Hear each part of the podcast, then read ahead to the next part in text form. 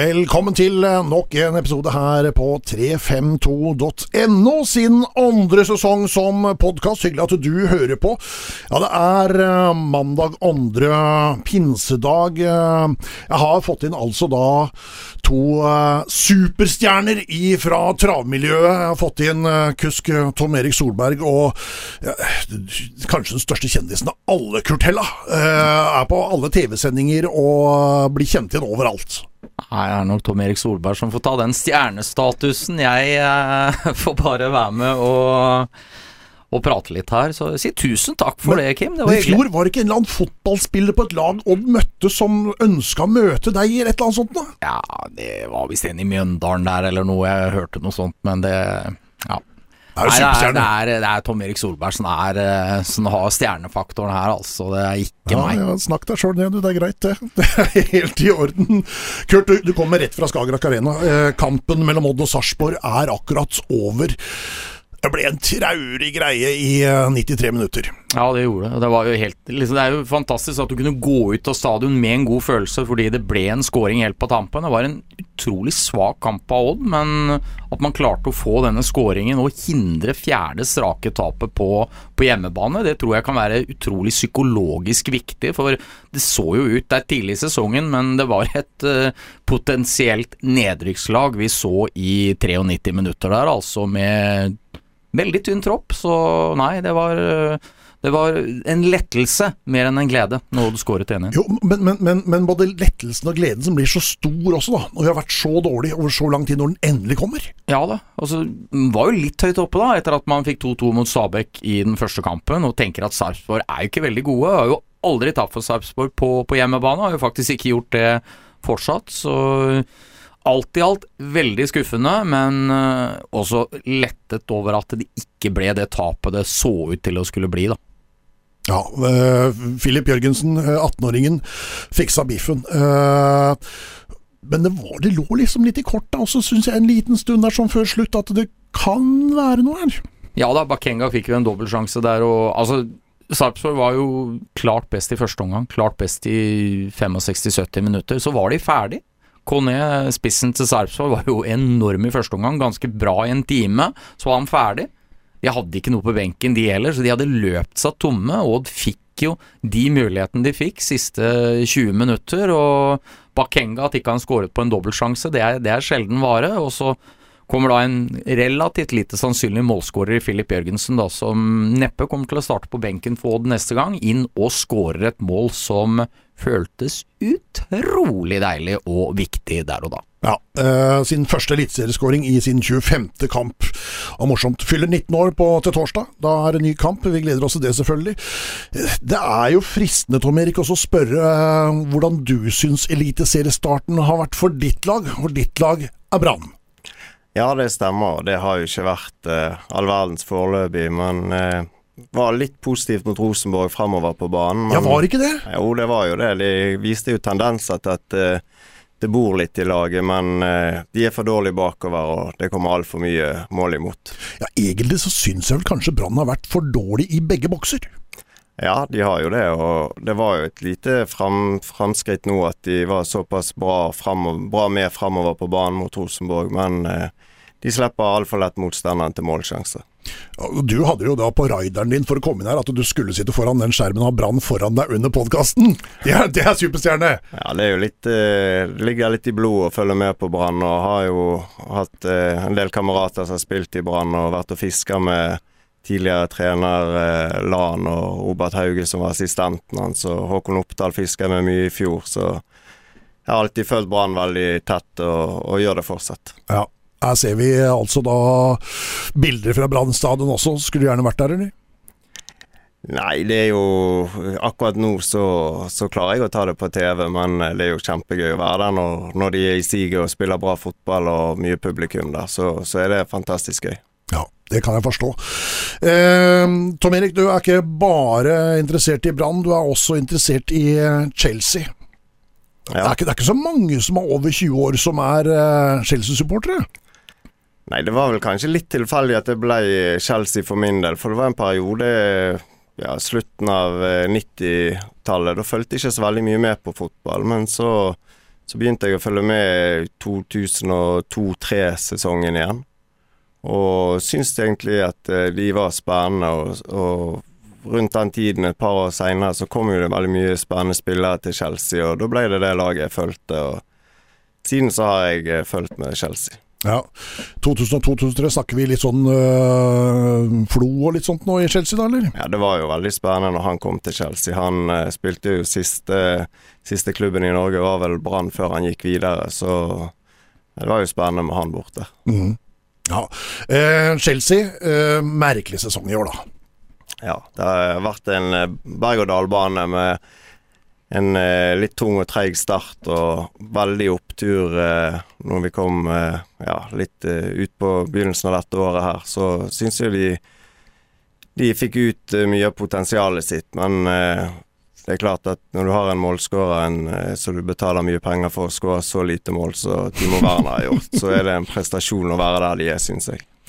Ja, men han er jo så mye mer enn målskårer, Timo Werner òg, da. Men uh, jeg skjønner hva du mener. Uh, hvorfor fikk ikke Lampert mer ut av den troppen? Det er vanskelig å si, men han uh, fikk jo deler av garderoben imot seg. Et par, par spillere som har vært der i mange år, som ble satt på benken, og gjerne ikke på benken engang. Så det var nok litt dårlig stemning i troppen der.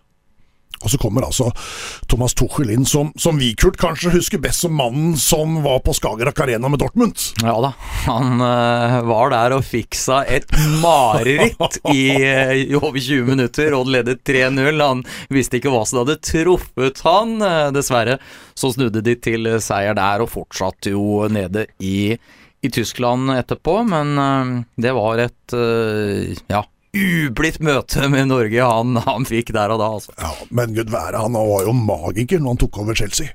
Ja, han var snudde på, på dagen. Han spilte vel kamp dagen etter han begynte, og, og viste jo forbedring med en gang. Så det er klart det er en dyktig trener.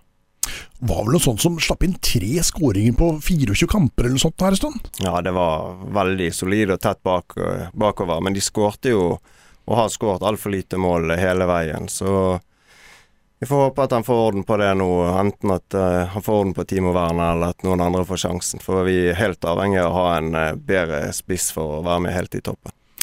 Ja, finaler og Chelsea, da? Ja, de uh, De har jo vunnet Champions League før, og de vant jo Europaligaen året før, så ingenting er umulig. Men City ser veldig sterk ut om dagen, så selv om de har slått i de to siste møtene, så, så har jeg en litt dårlig følelse nå. Ja.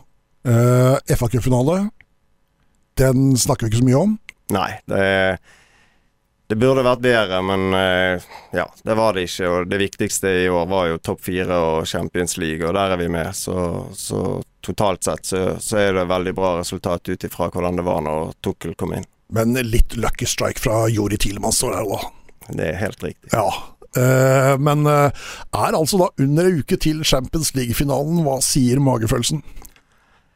Nei, jeg, eh, jeg er redd City blir for sterke. De, de, har et fantastisk kollektiv, og jeg gleder meg kjempemye til å se den kampen. Da sitter jeg borte i Stockholm og skal finne meg en plass jeg skal sitte helt for meg sjøl.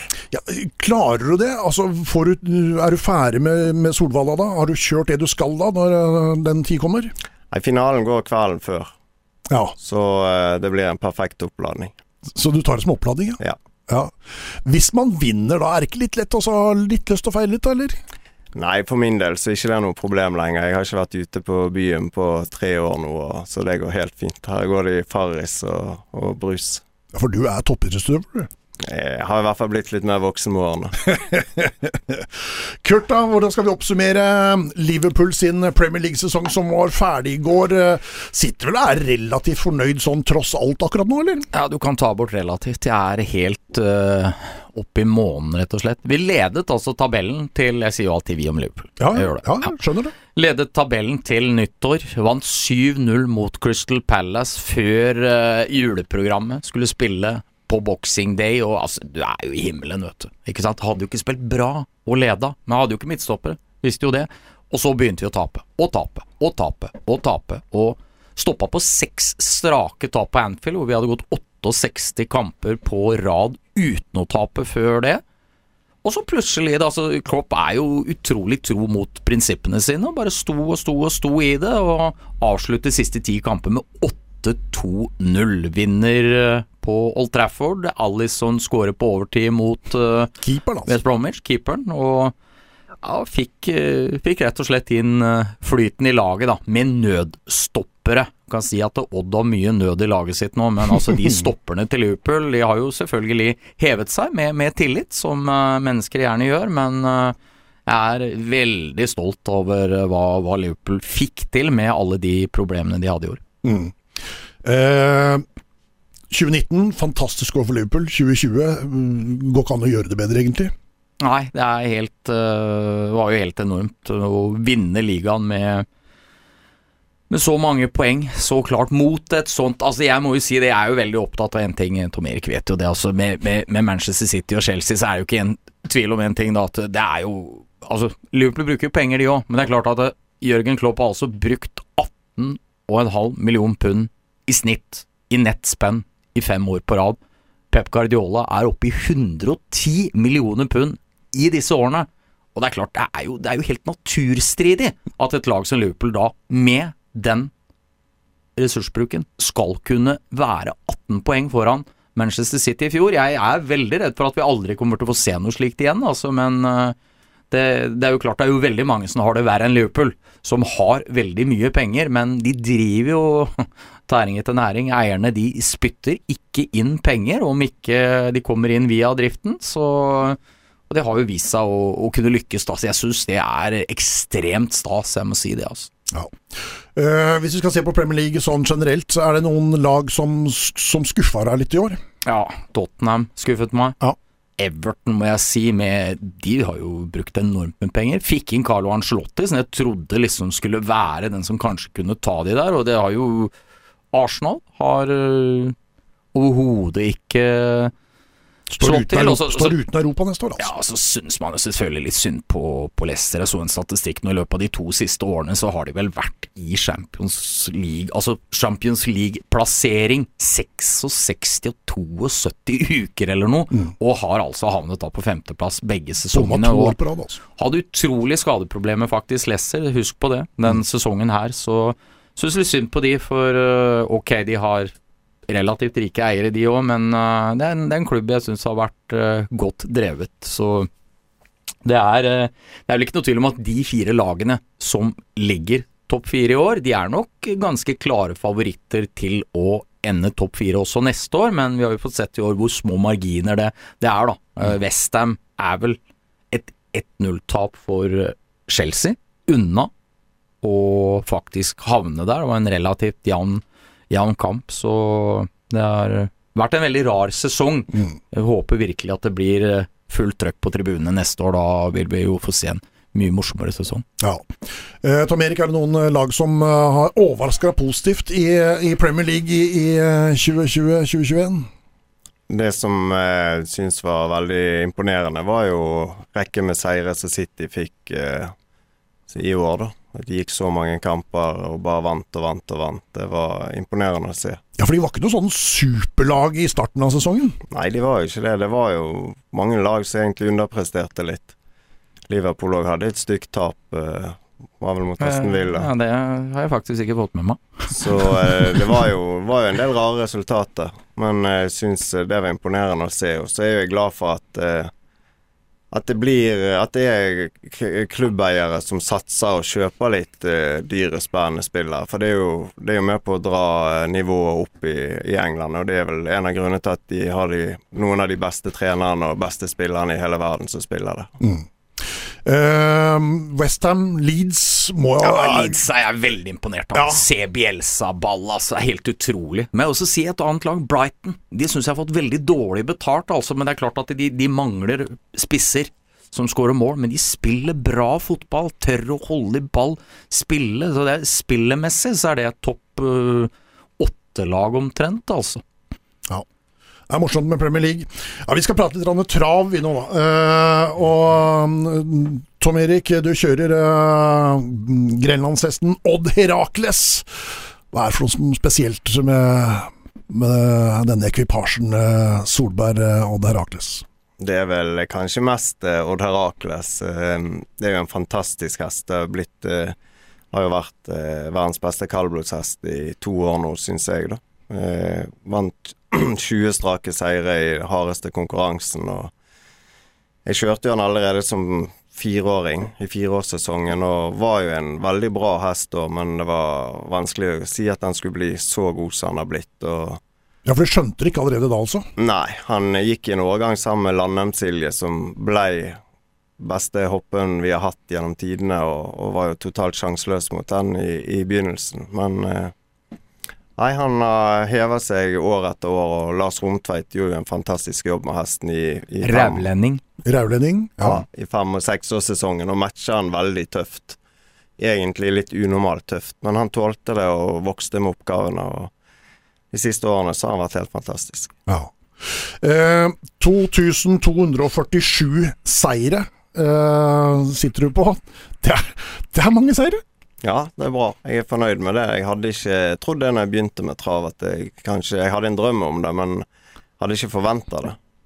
Så, så, veldig godt fornøyd med det. Og nå kjører ikke jeg så mye løp som jeg gjorde for en par år tilbake, så det blir jo ikke like mange seire i det tempoet som det var tidligere. Men det går jevnt og trutt greit, syns jeg, og pleier å være med i de større løpene her hjemme, så det er vi godt fornøyd med. Er det sånn at du blir båret litt rundt på gullstola en del eiere, eller? Eh, nei, ikke akkurat gullstol, men jeg har noen eiere som er veldig trofast og lojal, som jeg har hatt godt samarbeid med i mange år. Så det er veldig viktig å ha noen gode samarbeidspartnere i ryggen, liksom uansett hvordan det går. Så vet du at eh, du har noe å støtte deg på. Mm. Trav, eh, Kurt, har jo altså da dalt litt i Norge. Altså interesse, omsetning for, for trav, eh, også her i Skien på Klosterskauen. Ja da, det er, det er, klart det er jo Det er mindre løp, øh, mindre løpshester enn det var for 10-15 år til, tilbake. Jeg har fått en del utfordringer med tapsgrenser på, på spillet. Hva vil det si? Nei, det er vel øh, Før så var det jo slik som det er på, på børsen og alt annet, at du kunne spille for det du ville. Nå er jo den tapsgrensa på 20 000 kroner i, i måneden, som for så vidt høres sikkert ok ut for uh, folk utenfra, men det er klart det er veldig mange profesjonelle spillere som vet hvordan de, de ønsker å gjøre dette. De, de, vil da kanskje sette et 50 000 kroners spill på en hest som de føler er veldig sikker, da, sånn Odd Herakles, som de f.eks. da kan få 60 000, 60 000 kroner igjen, da, men nå har man ikke den muligheten til å gjøre det. Det kan man jo gjøre hvis man drar til Sverige, hvor man ikke har disse, disse grensene. Så, så, det er klart det er en stor utfordring da at uh, man har helt andre vilkår for å spille på hest enn uh, en andre land. Men uh, det er jo ikke noe tvil om at omsetningsnedgang, det har man hatt i, i flere år nå, er jo veldig mye mindre synlig på TV. Tidligere var det jo NRK og TV 2 som visste trav i hvert fall hver V75-omgang. Nå er det jo på Rikstoto direkte, da, som jo også går via Amedias plattformer, blant annet. Så den synligheten der, den, den savner vi. Den har jo svenskene. Ja, absolutt. Og det som gjør at vi sliter litt ekstra, er jo at eh, Rikstoto gjerne har eh, lagt opp til litt for i stor grad eh, storspillere de senere år. og vi har mista mange lykkespillere og småspillere til Lotto og sånne ting. Og når storspillerne våre da får tapsgrenser, så er det klart at vi merker det på omsetningen. Mm. Eh, når jeg var guttunge og vokste opp, så var det liksom litt sånn skam å gå på travbanen. Uh, bestefaren min uh, tok med meg på travbanen, og jeg syntes det var kjempegøy, og fikk uh, is og brus av pene damer. men måtte ikke si det til verken bestemor eller mamma at jeg var på travbanen med bestefar. Det, liksom, det, måtte jeg ikke finne på å si. Jeg har slitt veldig lenge med det der, der at det er ikke den raskeste veien til fattigdom, men den, den sikreste. det er jo klart det er noe du har hørt til kjedsommelighet. men det er, jo, det er jo bare rør. Det er så mange mennesker som har så mye gøy med hest. Det kan koste mye, det kan koste lite. Vi har Odd Herakles er jo en billig hest, som ja, eies absolutt. av en amatør, som er trent av en fantastisk, eller var da Lars O. Romtveit, som er en fantastisk trener, men ganske liten trener. Så det er jo veldig mange eventyr, men det det, er, det, er, det er plass til, til alle i travsporten. Det må vi kunne si, Tom Erik. Ja, det vil jeg si, og du treffer jo alle mulige typer folk der òg, så det er jo veldig spennende og interessant eh, miljø på travbanen, vil jeg si. Stor helg for deg nå, Tom Erik, som eh, kommer. Det er mye som skjer, både med fotball og trav. Ja, det er det. Det begynner på fredag. Skal jeg eh, en lang tur opp til en bane som heter Hagemyren og kjøre tre løp der. Det er ni timer reisevei. Og så reiser jeg ned til Stockholm på lørdag og lader opp med Champions League-finalen. Og så blir det Odd Herakles i Elitekampen på søndag, så det blir jo høydepunktet. Ja, det kan jeg tenke meg. Eh, lykke til med det. Eh, vi skal eh, bytte inn en eh, superinnbytter, eh, Guds gave til fotballen, som nå også er travekspert, som skal få lov til å debutere litt som programleder også. Det blir morsomt. Tommy Svindal Larsen. Vær så god, Tommy. Her er det altså en med gudsbenåda hender, og så en med gudsbenåda ben, og så sitter jeg her, da. Hæ? Jeg har fader ikke fått noe gudegaver, jeg. Ja, du er flink å snakke for deg. Ja, tusen takk. Ja, der har vi det. Hvis de to andre er det òg, ja da. Bra. Eh, takk for den introduksjonen, Kim. Da skal jeg prøve å dra dere litt videre her i forhold til travet, da. Fordi altså, jeg sjøl har jo vært travinteressert, da. Eh, Du er Eh, Ja, jeg er. Det, det er jo helt riktig å si. Jeg er. Eh, og har jo holdt på med det en del år. Jeg tror det er nærmere Det starta litt nede i Kristiansand, faktisk, med når jeg reiste til Start. Og så har jeg liksom fulgt meg siden, og så har jeg vært mest på spillesiden, da. Jeg må jo si det. Men eh, jeg har jo fulgt med, eh, som sagt, i mange år, og nå har vi jo to, eh, to inne her nå, Kurt og, og Tom Erik, da, eh, for å nevne de navnene her. Det er litt viktig, for det, det, det er jo Jeg har veldig lyst til å stille noen spørsmål eh, som kanskje går litt mer i dybden, litt mer eh, på detaljene. Eh, eh, Tom Erik, du har jo Ja, hvor lenge har du bodd her i området? Jeg flytta til Grenland i Eller jeg flytta vel til Porsgrunn i sommeren 2001. Så har vært her i 20 år nå. Så det begynner å bli noen år. Ja, det gjør det. Og da eh, begynte jeg å jobbe hos Per Gotling ute på Valmyrene.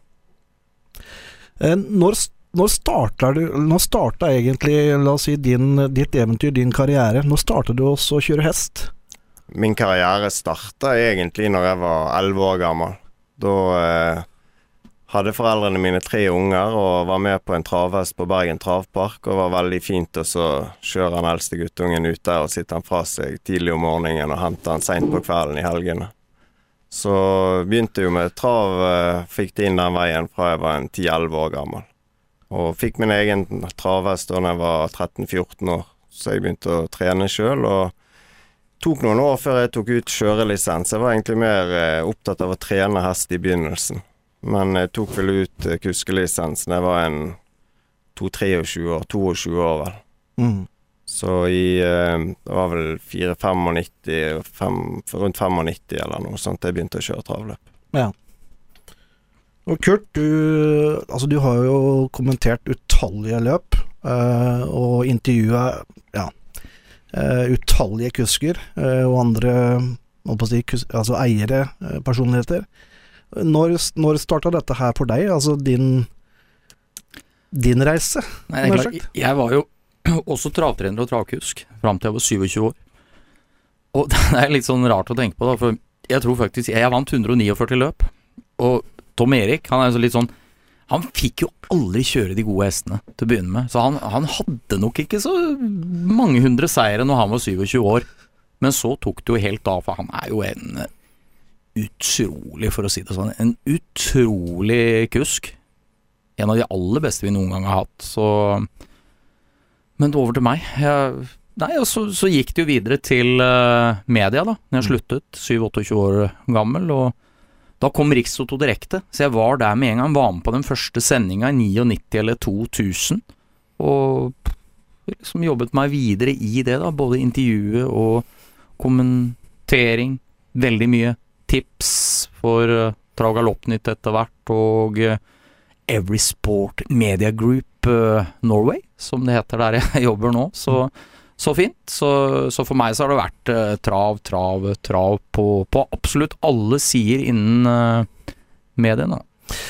Går dette liksom litt på repeat nå fordi at du har gjort det så mange år? Altså, Er det fortsatt like gøy, da, for å si det på den måten? Eh, Det må man jo innrømme at det ikke alltid er, men jeg føler at jeg har en sånn eh, veldig drive i forhold til å holde meg oppdatert og prøve å gjøre så godt jeg kan. Da. Det er jo ganske mye som står på spill for, eh, for veldig mange. Du skal jo prøve å gi god informasjon, du skal prøve å gi gode intervjuer eh, med disse gutta her, eh, både på, på godt og vondt og, og sånne ting. Så det er, det er jo selvfølgelig store dager og mindre store dager for meg også, om jeg jobber som reporter på store løp eller på en vanlig kjøring på Klosterskogen. Den er jo veldig viktig, den også, men det er klart at det er litt sånn ekstra stas å være på de store kjøringene.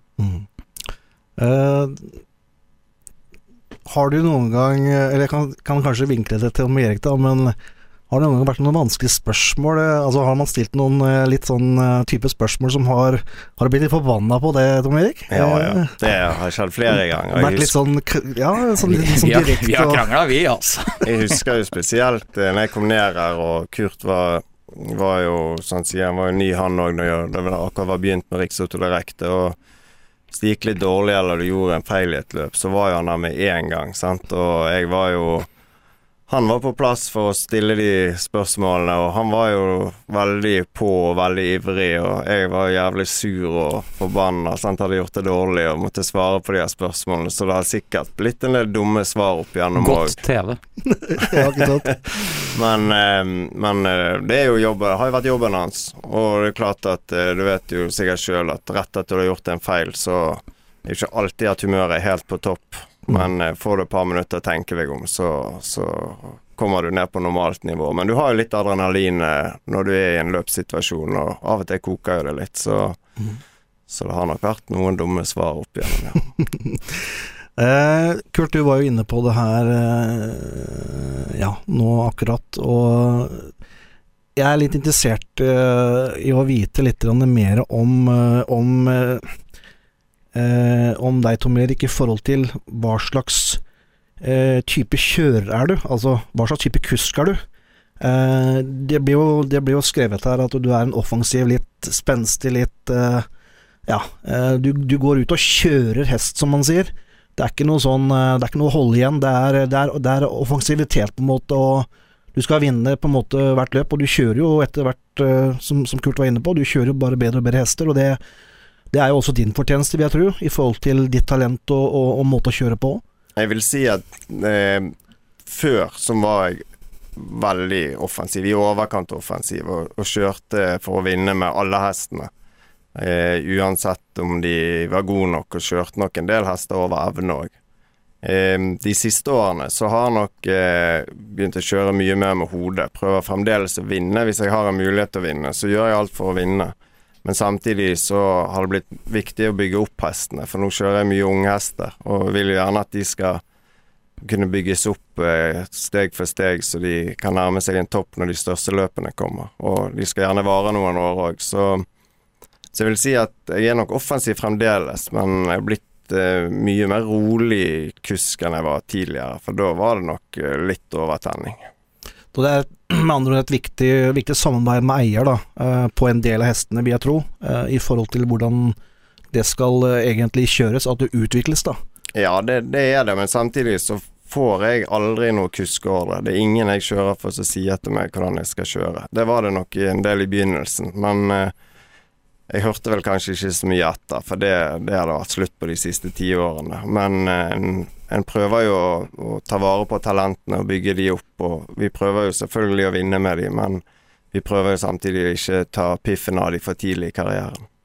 Um, hvordan oppfatter du eh, Tom Erik eh, som kusk, altså i banen, når han kjører løp?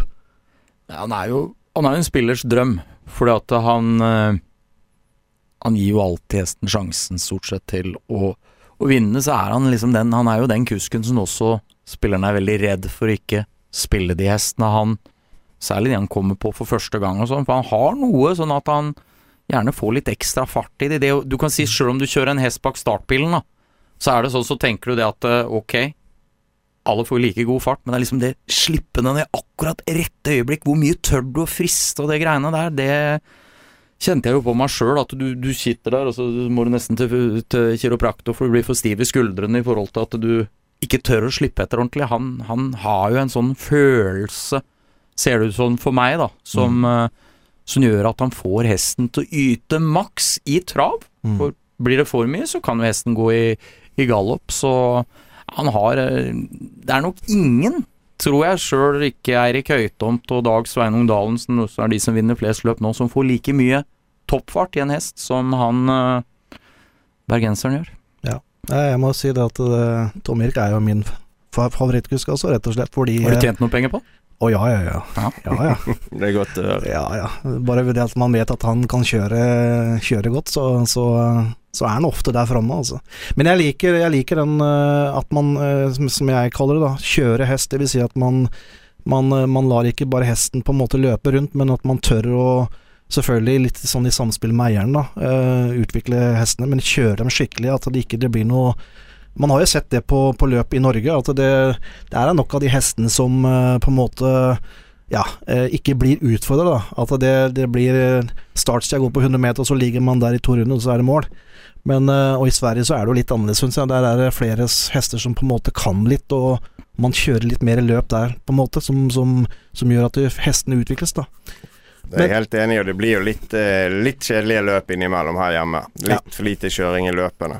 Men jeg, jeg syns det var interessant, eh, litt tilbake til det her med Så, så det betyr at uh, for vi som følger hest og ikke vet altfor mye, men du, når du får Odd Herakles Du skal ut med Odd Herakles nå eh, på søndag, så har ikke eieren sagt at uh, han ser for seg at løpet skal bli sånn eller sånn. Du sjøl bestemmer dette her helt ut ifra ja, hvordan startsida går, og litt hvordan du har forberedt deg, osv.? Ja. Det, det, er akkurat sånn det fungerer. Det Eieren kan si at han helst ikke vil at vi skal kjøre i dødens og sånne ting. Og, og kjører du en hest som du vet ikke tåler det, så prøver du å unngå å havne der. Men av og til havner du der uh, uansett, liksom. Du kan ha uflaks og havne der. Men uh, når vi kommer til, til elitekampen på Solvalla på, på, søndag, så må jeg bruke hodet mitt uh, når jeg kjører løp. Og jeg kan ikke bruke hodet til Odd Paulsen, for han har jo ikke vunnet så mange travløp. Mm. så, så, jeg må bruke mitt eget hode, og, og, han har jo selvfølgelig lov å komme med ønsker, men det vet han jo sjøl òg, at han er jo kjempeflink på på å drive med trevarer og sånne ting, og kjøre travløp, det er det jeg som gjør. Så, mm. så det sånn det må være. Mm. Så er det, det er mye faguttrykk da, i, i travet, og dødens er jo én ting, og det har, det, har, det har, jo levd i alle år. Og det er altså Hvis du ligger utvendig for ledigheten, så kaller vi det for dødens. For særlig før, da, så vant jo nesten ikke hester derfra, for det er den tyngste, en ganske tung psykisk posisjon for hesten å gå i, men uh, og, løp, og, løp, og, løpe noen ekstra meter. Ja, det blir det også, for det er jo seks-åtte meter ekstra på en sving, tror jeg, hvis du går i annenspor og sånn, men uh, da gjelder det også for kusken da å prøve å gi hesten litt ekstra syke gjennom tømmene, da, som, som Tom Erik sikkert kan veldig mye mer om enn meg. Det er jo sånn at uh, har du en hest som har syke til å gå i døden, så er det gjerne en av de bedre posisjonene du kan ha, for da kan du være med å styre tempoet underveis, og går det for seint, så kan du presse opp farten, og går det for fort, så kan du ta opp litt, og så demper den i tet seg òg. Men det er mye psykisk, og det er ikke, det er ikke alle hestene som takler å gå der. Åssen er psyka di nå? Blei det mål til ble det, glimt, var det mål der? Nei, det Nei, gikk heldigvis utenfor, så Jeg har ikke brillene på, Martin. Nei, det, langt, langt, langt De nærmer så langt unna. De nærmer seg Bodø-Glimt, så vi får se. Ja. Um, nei, men uh, jeg har et sånt inntrykk da, Tom Erik, at uh, når du ligger på, på utsida i dødens så har du liksom jeg, jeg, jeg, jeg, ser liksom at du Her vil jeg ikke ligge, så du trøkker litt til ofte. For du kan kjøre hest, altså du kan få fart på hesten mm. mer enn noen annen. Ja, og dermed så havner du egentlig veldig sjelden der, hvis ikke det da i ett løp er en bra hest som ligger der, selvfølgelig. Det er jo sånn hvis du har en rask hest som ikke er nødvendigvis så sterk psykisk, og du havner i døden, så prøver du gjerne på et sånn lite sjokkangrep for å overrumple den i tet, for hesten din går gjerne bedre fra tet enn han går i dødens. Mm. Så det hender jo det at eh, vi sitter stille og rolig der, og så hvis han i, så kjører hesten i tet, slapper av og er litt uoppmerksom, så kommer det et sjokkangrep. Men det er ikke alltid det lykkes, så det er en risiko å ta. Hvor viktig er Altså, jeg snakker det ofte om, om i fotball, da, om dette med blikket. Og det har jeg Jeg har vel hatt liksom det med meg som en egenskap da jeg var fotballspiller. Eh, så var det sånn som så med, med O2-kapasitet og litt andre ting. Men blikk, overblikk eh, i, i et travløp, Tom Erik, eh, må jo være usannsynlig viktig å se hvor alle er hen, og, og, og, også ikke minst kanskje dette med timing. Ta, sitter du gjerne da i ryggen på leder, og du må ut på et eller annet tidspunkt, så er det noe med å lirke seg ut som dere proffe kusker som Altså, dette kan dere. Noen kan det veldig godt, Mm. og jeg føler jeg at jeg kan legge merke til det, men er det, er det litt sånn at blikket er veldig viktig? Det er veldig forskjellig. Eh, noen kusker er jo veldig flinke til å lese seg opp, leser alt av informasjon om konkurrenter. De ser gjerne i eh, arkivet til Rikstoto direkte og ser de kanskje de siste løpene noen av konkurrentene har gått og sånne ting. Mhm. Jeg har aldri vært av de som har vært flinkest på det. Eh, jeg har egentlig konsentrert meg mest om eh, den hesten jeg kjører. Mhm. Og hvorfor det har blitt sånn, vet jeg egentlig ikke. Nei, Men eh, det funker. det har funka, det, altså. Men jeg tror det er veldig forskjellig. Det, det er mange måter å gjøre ting på. Det er ikke noe fasit på hva som, er- som er rett og gale. Men du kan jo Det er jo engang sånn at du kan jo ikke gjøre den hesten du kjører, bedre enn, bedre enn han er. Og så gir du han et fint løp, så, så, så, og du plasserer han så han kan gå så fort han klarer de siste 500 meterne. Mm. Eh, så har du egentlig gjort jobben din. Hvis ikke han kan vinne da, så, så er han ikke god nok. Mm. Så det er det jeg syns er det viktigste for meg, at jeg sitter i en posisjon der hesten kan få sjansen til å avslutte så fort han klarer. Mm. Eh, hvor de andre sitter Det er klart noen løp vinner du på taktikk. Mm. Du kan kjøre mot andre, og, og du kan holde noen konkurrenter fast og, og sånne ting. Men, men jeg tror de fleste løpene har vunnet på feeling. Apropos gode avslutninger, da. Hvis vi skal ta eliteloppet, Kurt, så var det en som avslutta forryken her eh, for litt siden, Hikki Dupu. Mm. Eh, hva tenker du om årets eliteløp? Det er utrolig jevnt. Altså. Nå har jo sportrekninga vært, da. Og Ja, det, er jo, det er jo fantastisk gøy. da I år så har vi altså tre norskfødte hester. Den ene er jo riktignok uh, eid og trent og kusket i Italia. Og så har vi en annen, altså Ekyridé, da, som er eh, trent av Frode Hamre i, eh, i Larvik. Så det er jo masse, masse norsk og veldig åpent. Den hesten som jeg føler har en mulighet, er Moni Viking fra Sport 2 i sin kvalifisering, som kanskje er den så har den største sjansen av de norske. Det er et litt amputert elitelopp pga. at man har ikke den flyten av hester inn fra andre land som man vanligvis har pga. koronasituasjonen i, i, i, i mange land. Men det er jo fantastiske hester da, som konkurrerer om tre millioner kroner i en finale. Og ser ikke bort fra at Monny Moni Viking, som er eid av en som heter Jan Lyng fra Levanger, en uh, superamatør, veldig, veldig dyktig, kan eh, faktisk være den som, som vinner det. Men det er veldig mange om beinet i år, må jeg si. Ja, det er jeg helt enig i. Men Monny Viking vant jo sportrekningen sånn sett av, av de våre, får vi si, de norske, så han var- Spor har mye å si.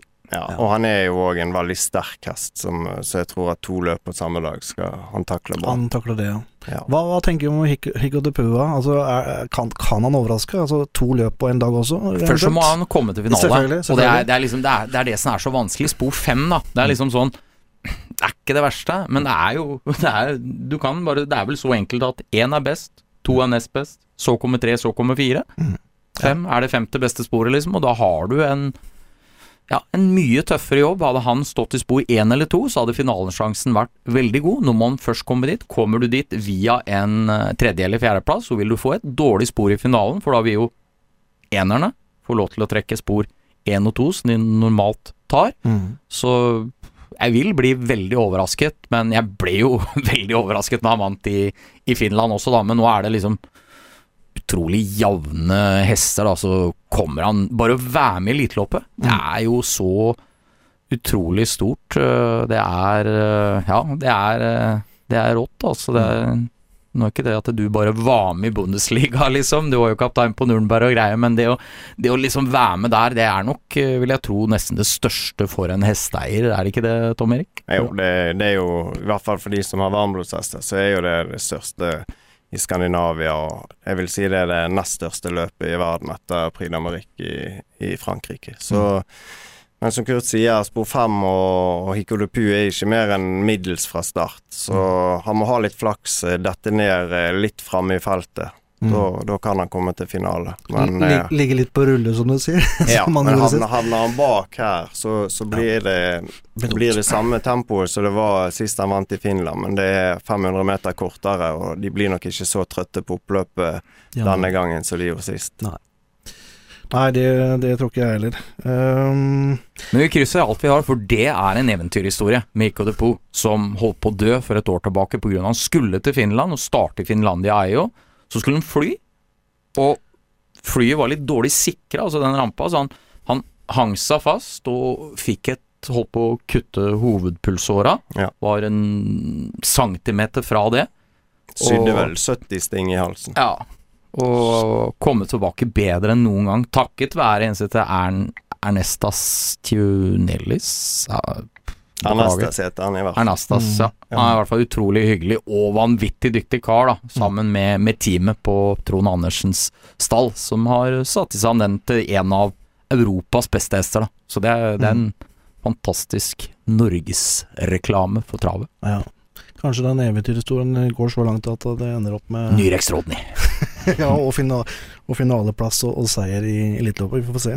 Men eh, Ecuridé og Money Viking. eh, du har sikkert eh, kommet opp i noen sånne situasjoner hvor, eh, hvor to hest, du kjører for to eiere, og så går de i samme løp.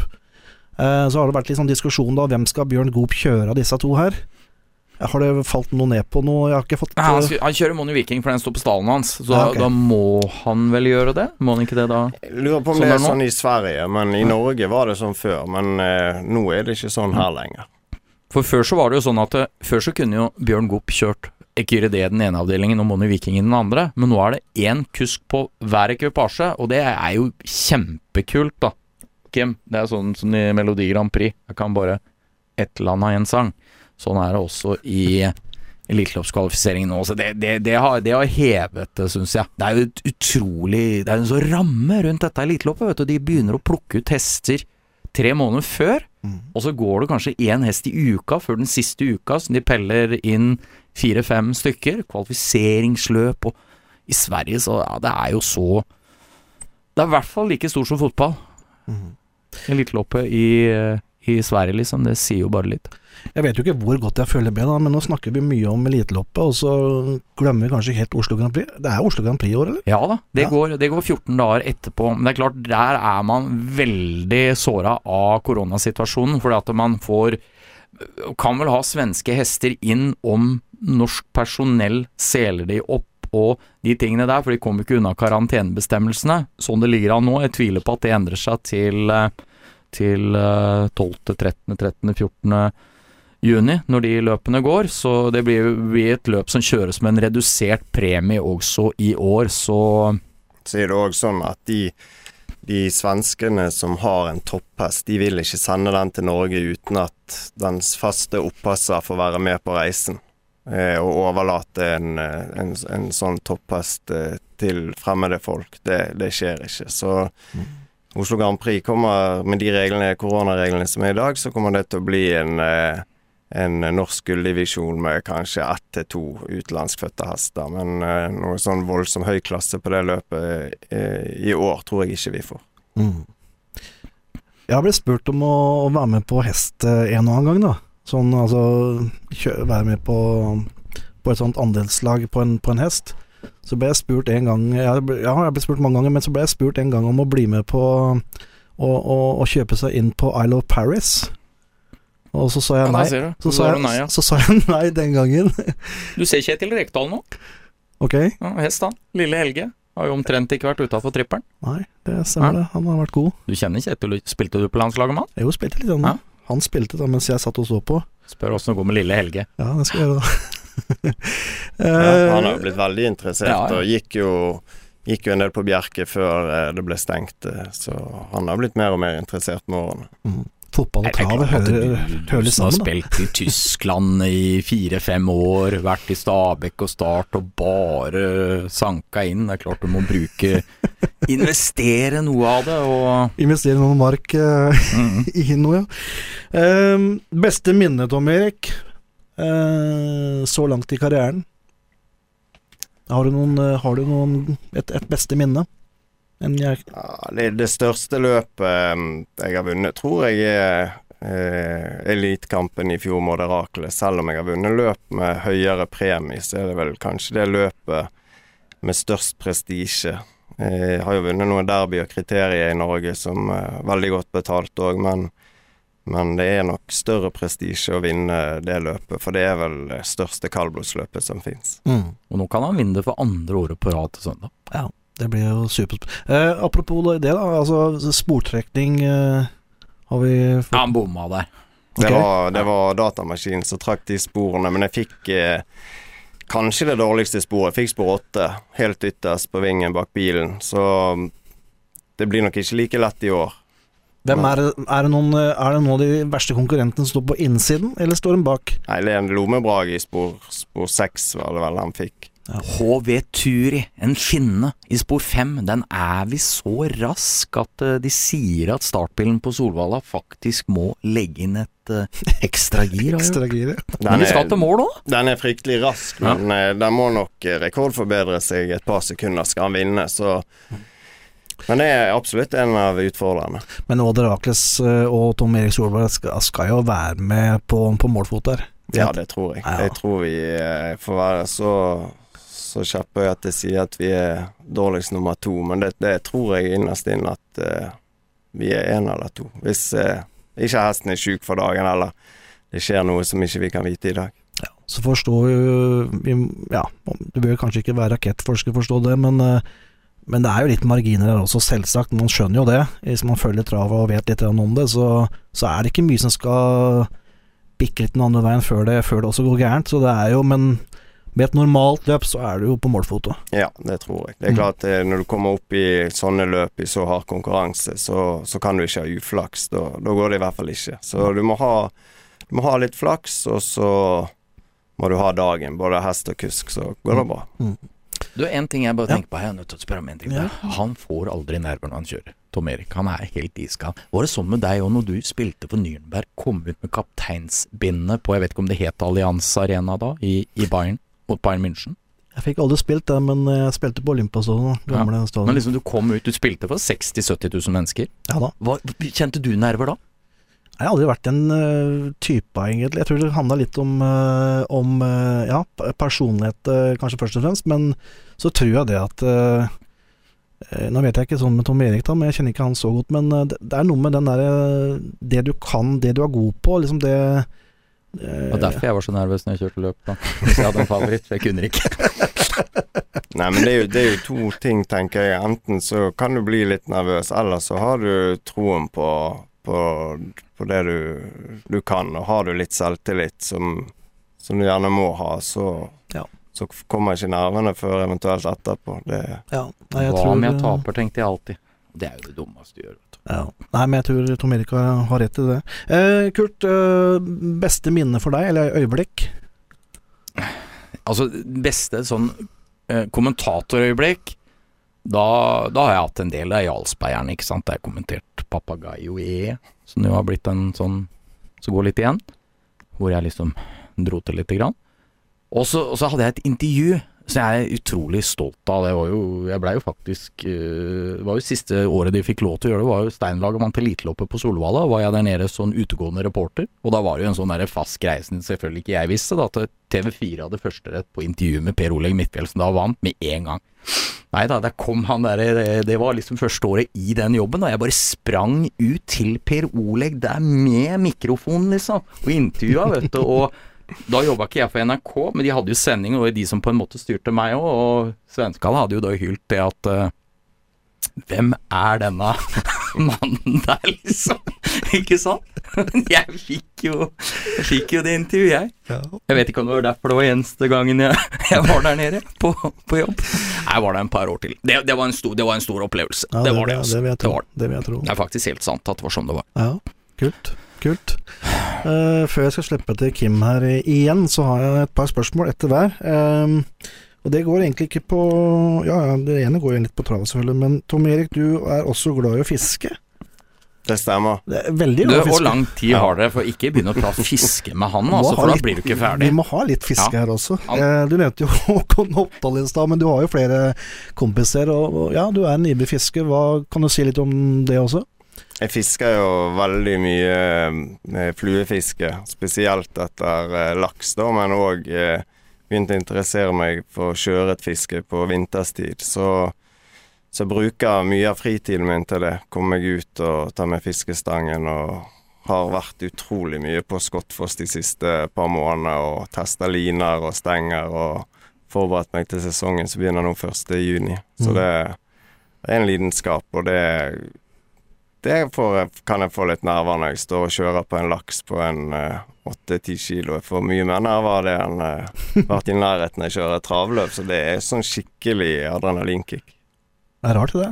Du kjenner pulsen stige litt, og du kjenner røkk, og så blir du helt ekstase. Ja, og så er det den kampen eh, med å få inn den fisken uten å miste den. Sant? For det, du vil jo ikke miste den, du vil jo ha den inn. Mm. Selv om jeg slipper å sette ut igjen sikkert 95% av fisken jeg får, så Mm. jeg tar ikke den med meg hjem. Nesten aldri. Men eh, det er liksom den eh, Ja, finne ut, binde fluer og få det til. Mm. Utrolig deilig. Og så er jo det veldig avkobling. Ja. Fantastisk å komme seg ut i naturen og bare høre på elven og fugler og Ja, setter mer og mer pris på det. Mm. Så bra.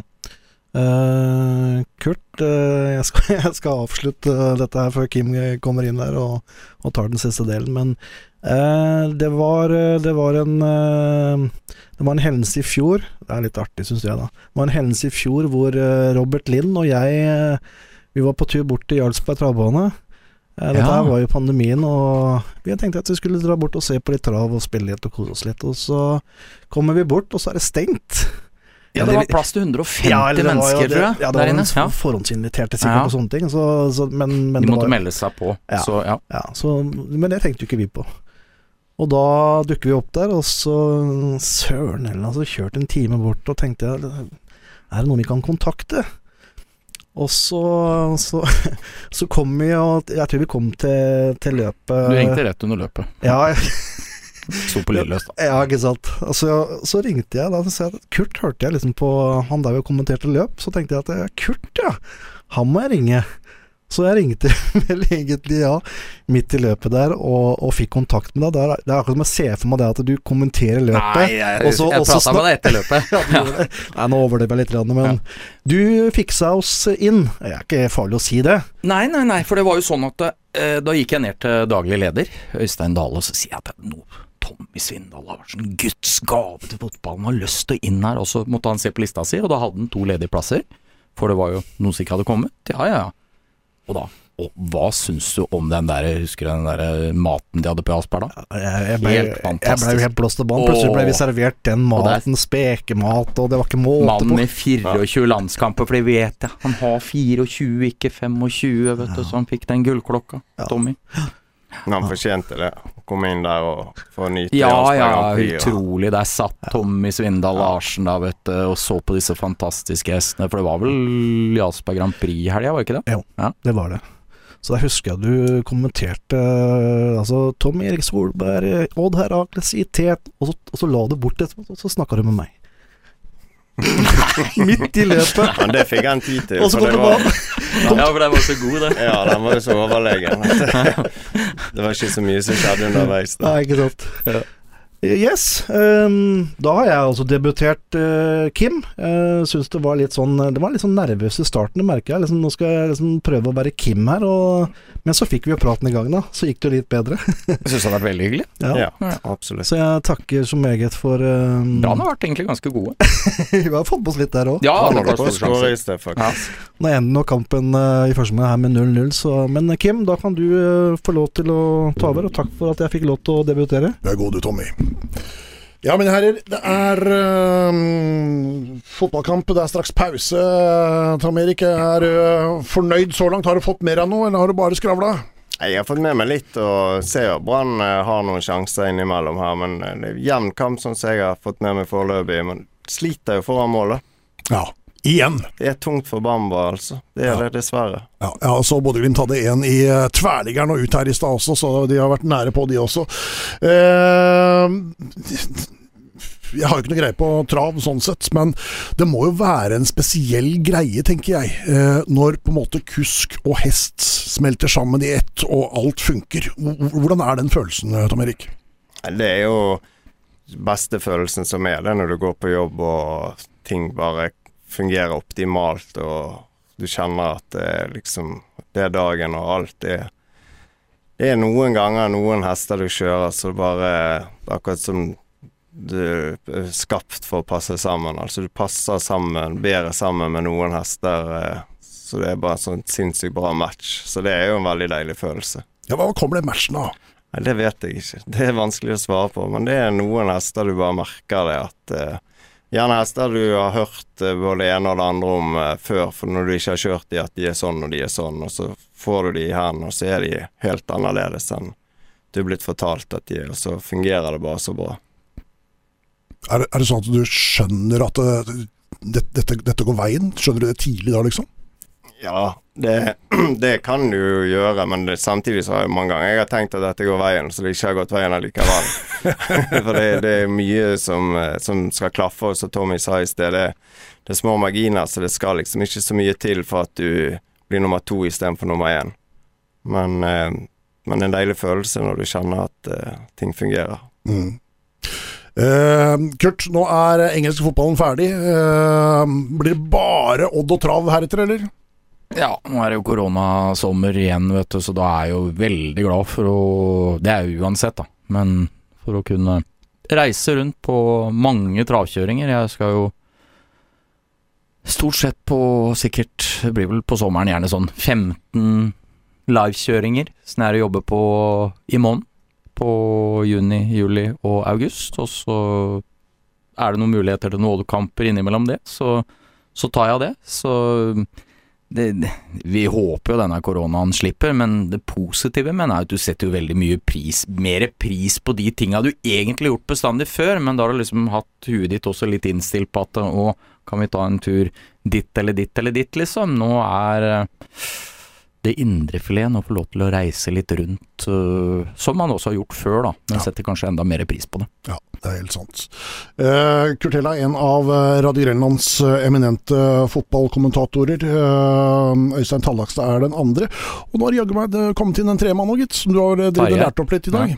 Tarjei Fiskum. Han veldig dyktig. Det, det hørte jeg med en gang. Han, han er jo Altså, jeg er jo ikke faglig sterk på fotball. Overhodet ikke sånn. Men jeg har jo passion for dette, og tror jo faktisk tror jeg kan litt, da. Jeg tror jo det. Jo da, men jeg, jeg kunne tenkt meg å vært litt god til å spille fotball, vet du, Tommy. Ikke sant? Det var jeg jo aldri. Elleve år gammel, da var karrieren slutt. Hæ? Tenk deg det. Var rask. Veldig rask. Men ikke med ball. Fikk ikke med meg ballen, da. vet du. Nei. Ja. Det er deilig. Nei, det er talentet jeg kunne tenkt meg å ha hatt, altså. Ja. Ja.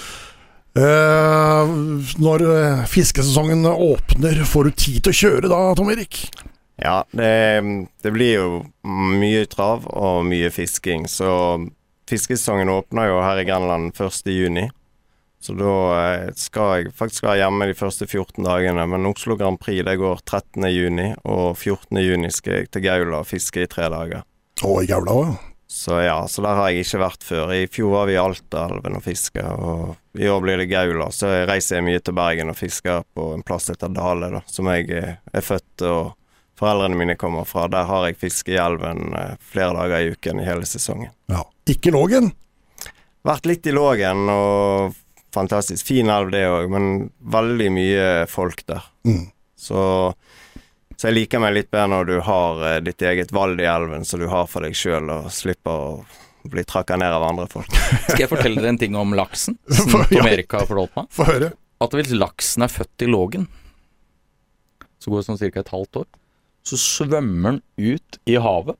Men så vender han alltid tilbake til den elva den er født i. Ja, ja. Han blir litt lenger i elven. Han er nok i elven i to år Ja, før to han år, går ut, men han eh, Det er fast. kommer tilbake igjen. Dere visste det, ja? Ja, jeg, Jeg trodde det liksom det var noe ikke så mange visste, ja, da, men Nei. ok. Takk for den informasjonen, Kurt. Jeg holder meg til trav og fotball fortsatt, jeg da. Ja. En time i gode venners lag, det går styggfort, og nå er det jaggu meg gjort. Uh, tusen takk til uh, Kurtella, som vi får høre masse av. Både på uh, V75 sine sendinger, eller Rikstoto sine sendinger, og ikke minst på Radio Grenland. Uh, tusen takk til Tom Erik som kom i studio. lykke til til helga, på alle mulige måter. Det blir, kan bli alt fra himmel til helvete alle sammen, eller? Det er helt riktig, men jeg tror det her kommer til å gå veldig bra. Blir det en drømmehelg? Eh, ja, det tror jeg. Det, okay. Vi håper jo på det. Så om Chelsea skulle tape og Derakles vinner, så er det drømmehelg uansett for min del, sånn sett. Ja. Så viktig er ikke den fotballen eh, akkurat eh, når det kommer til, til sånne øyeblikk. Men ja, vi, det er viktigere for meg å vinne mot Derakles. Ja.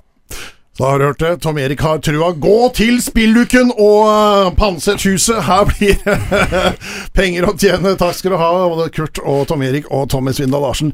Vi er tilbake om én uke. Da har uh, Odd spilt uh, to nye seriekamper, forhåpentligvis. Ja, sitter vi igjen fremdeles ubeseira i Eliteserien, eller gjør vi ikke? Ja, det blir spennende å høre.